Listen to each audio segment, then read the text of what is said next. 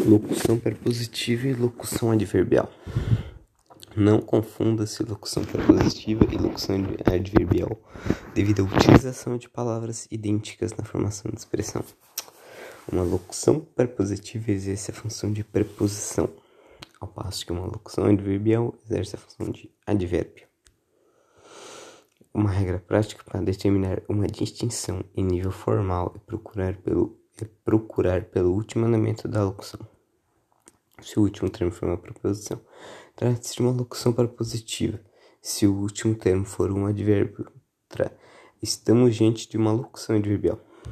É, exemplos. Número 1. Um. Ele disse que entraria em contato dentro de poucos minutos locução prepositiva. Dentro, advérbio de preposição. Número 2. O aspecto da casa era outro por dentro. Locução adverbial é uma locução adverbial. Por é por é preposição e dentro é advérbio.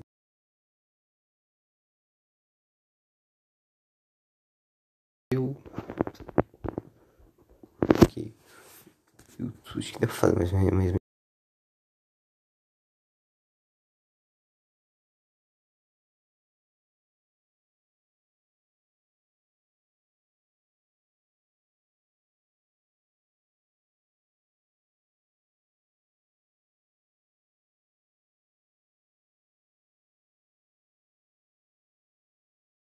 Obrigado por ter escutado este podcast.